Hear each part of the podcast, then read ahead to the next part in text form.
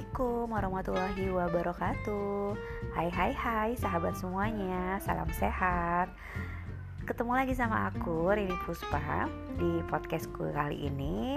Aku mau bercerita Tentang beberapa efek samping yang aku rasain Setelah kemoterapi pertama Di tanggal 24 Juli kemarin Gitu uh, waktu pas kemo tanggal 24 Juli kemarin itu aku kan ada rekam podcast juga ya uh, menceritakan bagaimana proses pada saat obat masuk obat kemonya masuk lalu aku bikin podcastnya lagi bahwa kemo itu tidak seseram yang kita bayangkan. Bener banget kemo itu nggak seseram yang kita bayangkan gitu. Maksudnya uh, pada saat obat masuk ya biasa aja sih paling cuma ngerasa rada gerah gitu ya di badan terus pegel-pegel di jari sampai siku seperti itu. Tapi beda-beda obat sih ya karena uh, setiap obat kemo itu pasti memberikan efek yang berbeda terhadap tubuh si pasien yang di kemo gitu. Nah kemarin pada saat uh, kemo di tanggal 24 yang aku udah cerita juga waktu obatnya masuk itu hanya berasa gerah gitu ya uh, terus celkit-celkit gatel gitu di ujung jari itu yang obat Hergemap lalu obat aklitaselnya masuk itu pegel banget gitu dari ujung jari sampai ke siku. Dan besoknya kan di hari Sabtunya aku pulang. Aku pulang hari Sabtunya alhamdulillah nggak ngerasain mual muntah sama sekali nggak ada. Malah yang aku rasain itu adalah mules-mules. Perut yang melilit banget tapi gak kepengen BAB gitu ya cuma mules aja uh, eh, BAB-nya ada tapi tidak sering. Artinya diare tapi nggak yang diare uh, berkelanjutan sering gitu enggak. Dan ngantuk banget. Aku tuh masa lagi mandi aja sambil sikat gigi tuh bisa yang berdiri merem di kamar mandi gitu kan. Untuk gak jatuh gitu ya.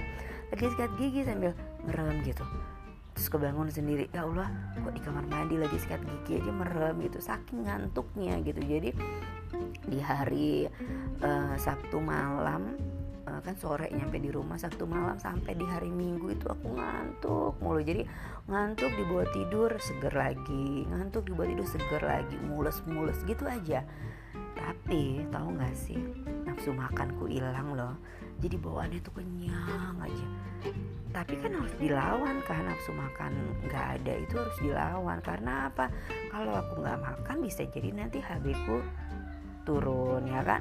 Bisa jadi nanti daya tahan tubuhku malah menurun seperti itu. Jadi tetap aku paksa makan aku bayangin makan apa ya yang enak makan apa yang enak gitu. Karena bawaannya tuh kenyang karena lidah tuh pahit rasanya gitu terus di hari Seninnya di hari Seninnya itu berarti di hari keempat ya di hari keempat setelah kemo itu tuh aku yang ngerasain pegel banget seluruh badan tuh linu gitu ya.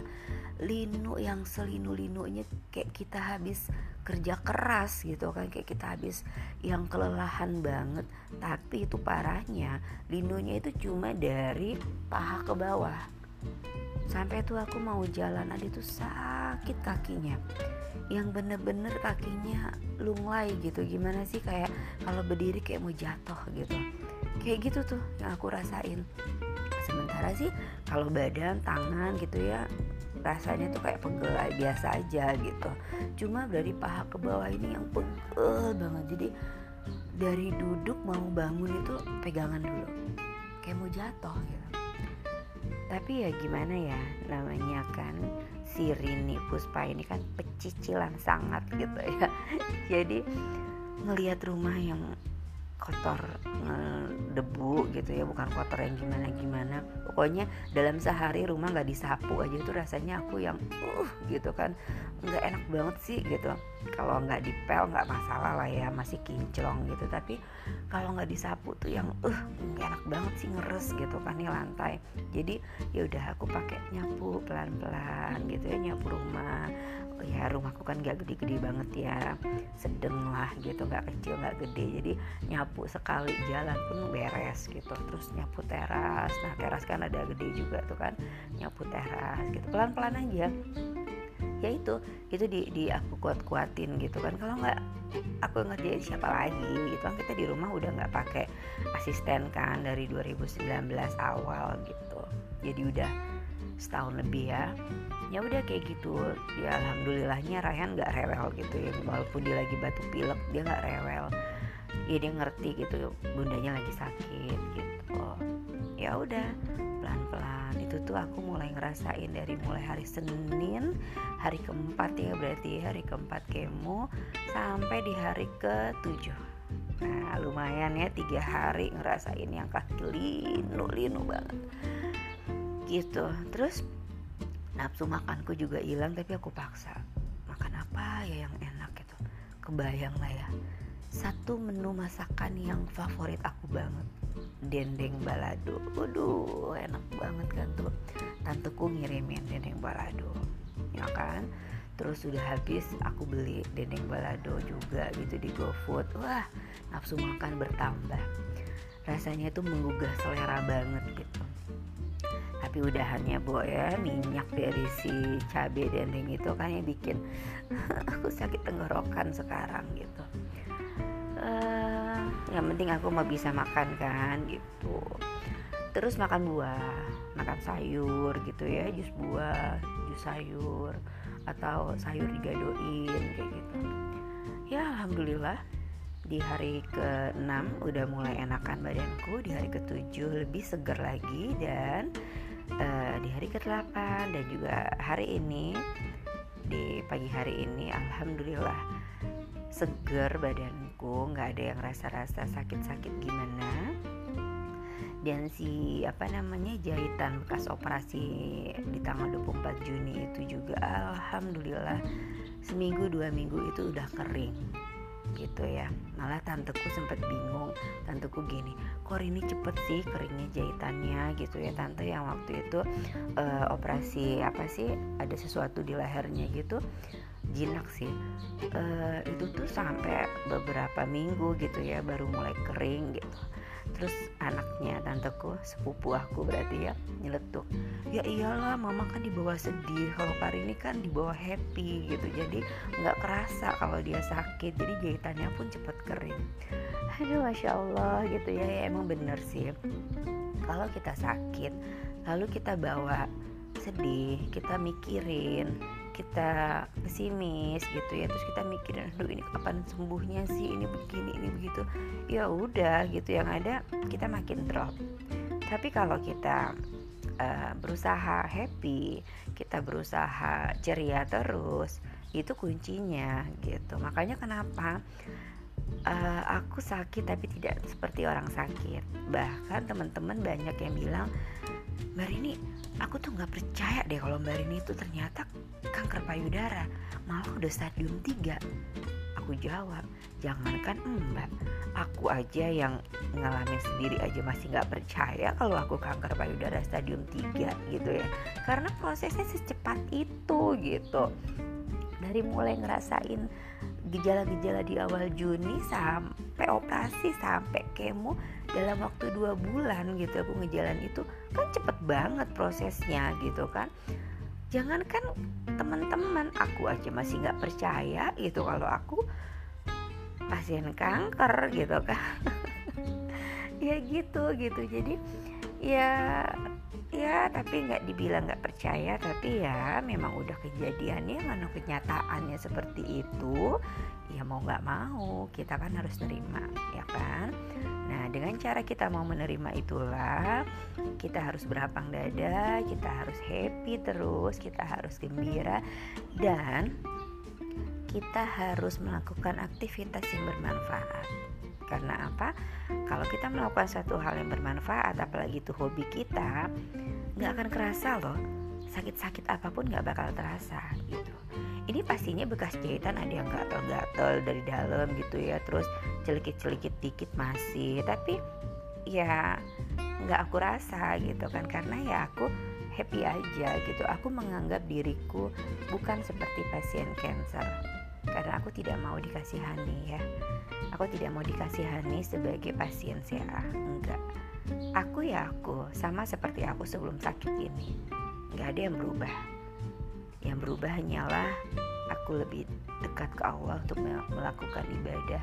Yang berubah adalah aku benar-benar memperhatikan pola makanku benar-benar uh, memperlakukan badanku sebaik-baik mungkin istirahat ya istirahat makan ya makan gitu ya minum yang banyak seperti itu. Karena di dalam tubuhku ini ya insya Allah sih sudah sudah apa ya kita nggak tahu ya masih bersarangkah si sel cancer itu atau enggak gitu kan. Tapi kita kan tetap melakukan kemoterapi ya karena kata dokter sekecil apa pun atau hanya satu sel cancer saja di dalam tubuh kita ini tidak bisa terdeteksi oleh alat medis. Kecuali kalau dia sudah berkumpul menjadi satu masa baru itu akan terdeteksi. Jadi untuk menghindari si satu sel ini menjalar ke mana-mana itulah dilakukan tindakan kemo gitu. Apalagi untuk aku yang stadium 3 stadium 3 itu artinya si si sel kansernya itu tuh kemarin kan sudah ditemukan di kelenjar getah bening ya di ketiak. Itu artinya sudah stadium 3 karena kelenjar getah bening itu adalah pintu gerbang untuk si sel kanser itu untuk mengambil ancang-ancang dia mau ke mana. Doain mudah-mudahan belum ada yang lolos ke mana-mana gitu ya dengan dia diambil 5 titik dari kelenjar getah bening kemarin. Dua ditemukan ada sel kansernya yang tiga lagi bersih. Nah semoga dari yang dua ditemukan ini belum ada yang ke mana-mana gitu ya. Doakan selalu. Ya makanya nanti harus dilakukan apa PET scan kah atau dilakukan MRI atau CT scan atau apalah namanya ya untuk melihat sejauh mana sisa kansernya ini jalan-jalan gitu ya.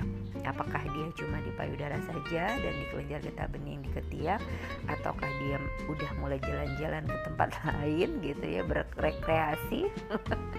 Padahal kan lagi lockdown ya harusnya dia lockdown juga. Udah aja diem di payudara gitu jangan ke mana-mana gitu. Ya gitulah ya uh, dan hari ini tanggal 3 ya tanggal 3 Agustus hari ini aku mau kontrol ke rumah sakit nanti siang. Jam 10 pagi sih dapat uh, appointmentnya untuk kontrol uh, pasca kemoterapi. Pasti nanti dokter akan ngerasain apa aja yang dirasa. Padahal tahu nggak sih teman-teman tahu nggak itu si obat kemo yang masuk ke dalam tubuhku itu kedua obat itu itu tuh bikin mual. Bikin mual dan bikin muntah. Tapi alhamdulillah banget aku nggak ada ngerasain mual muntah. Gitu. Mungkin karena aku masih happy happy aja kali ya. Jadi aku nggak nggak ngerasain. Makan aku paksa makan. Gitu ya. Jadi intinya harus kita lawan dengan semangat. Gitu. Uh, dan nanti pasti dokter akan menjadwalkan untuk kemo kedua tiga minggu dari kemo pertama ya mungkin sekitar minggu depan ya. Minggu depan mungkin aku akan kemo lagi sekitar tanggal belasan lah ya 14 atau berapa. Siap-siap kemo kedua dan siap-siap lagi untuk merasakan efek samping.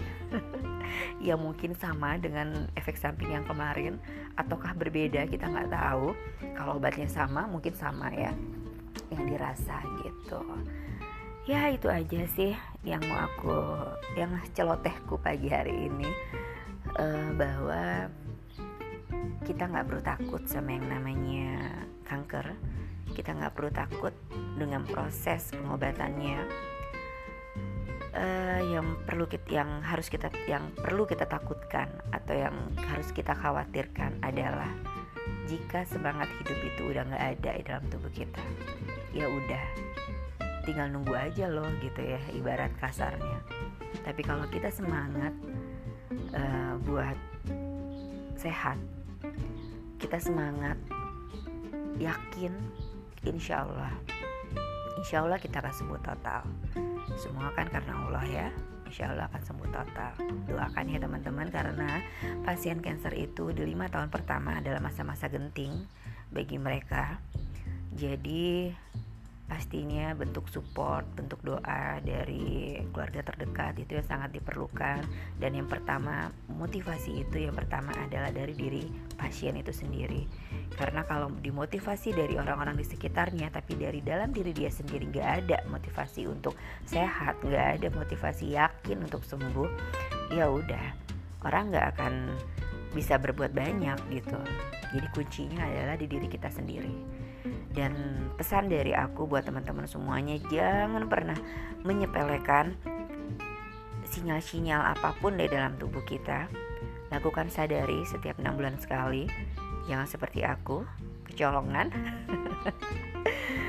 Itu aja. Dan tetap hidup sehat ya. Pola makan sehat pola hidup sehat. Insya Allah sehat untuk kita semua. Bye. Assalamualaikum warahmatullahi wabarakatuh.